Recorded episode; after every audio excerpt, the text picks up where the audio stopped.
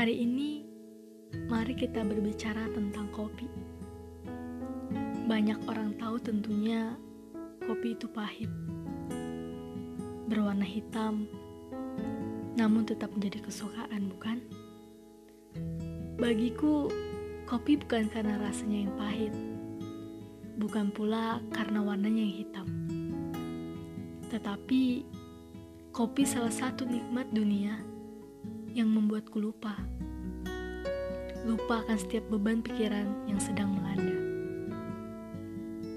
Kala itu, ku duduk bersila, menikmati secangkir kafe latte, hingga terciptalah sebuah rasa dan kata.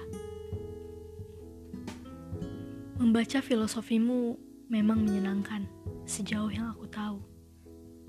Secangkir kopi panas, campuran sedikit susu, aroma yang memabukkan berakhir candu.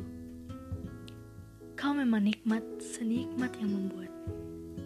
Percayalah, aku menyukaimu, aku menginginkanmu, bahkan aku suka menghabiskan waktu hanya bersamamu. Di bawah langit malam sampai kau habis dan perbincanganku bersama sang semesta selesai.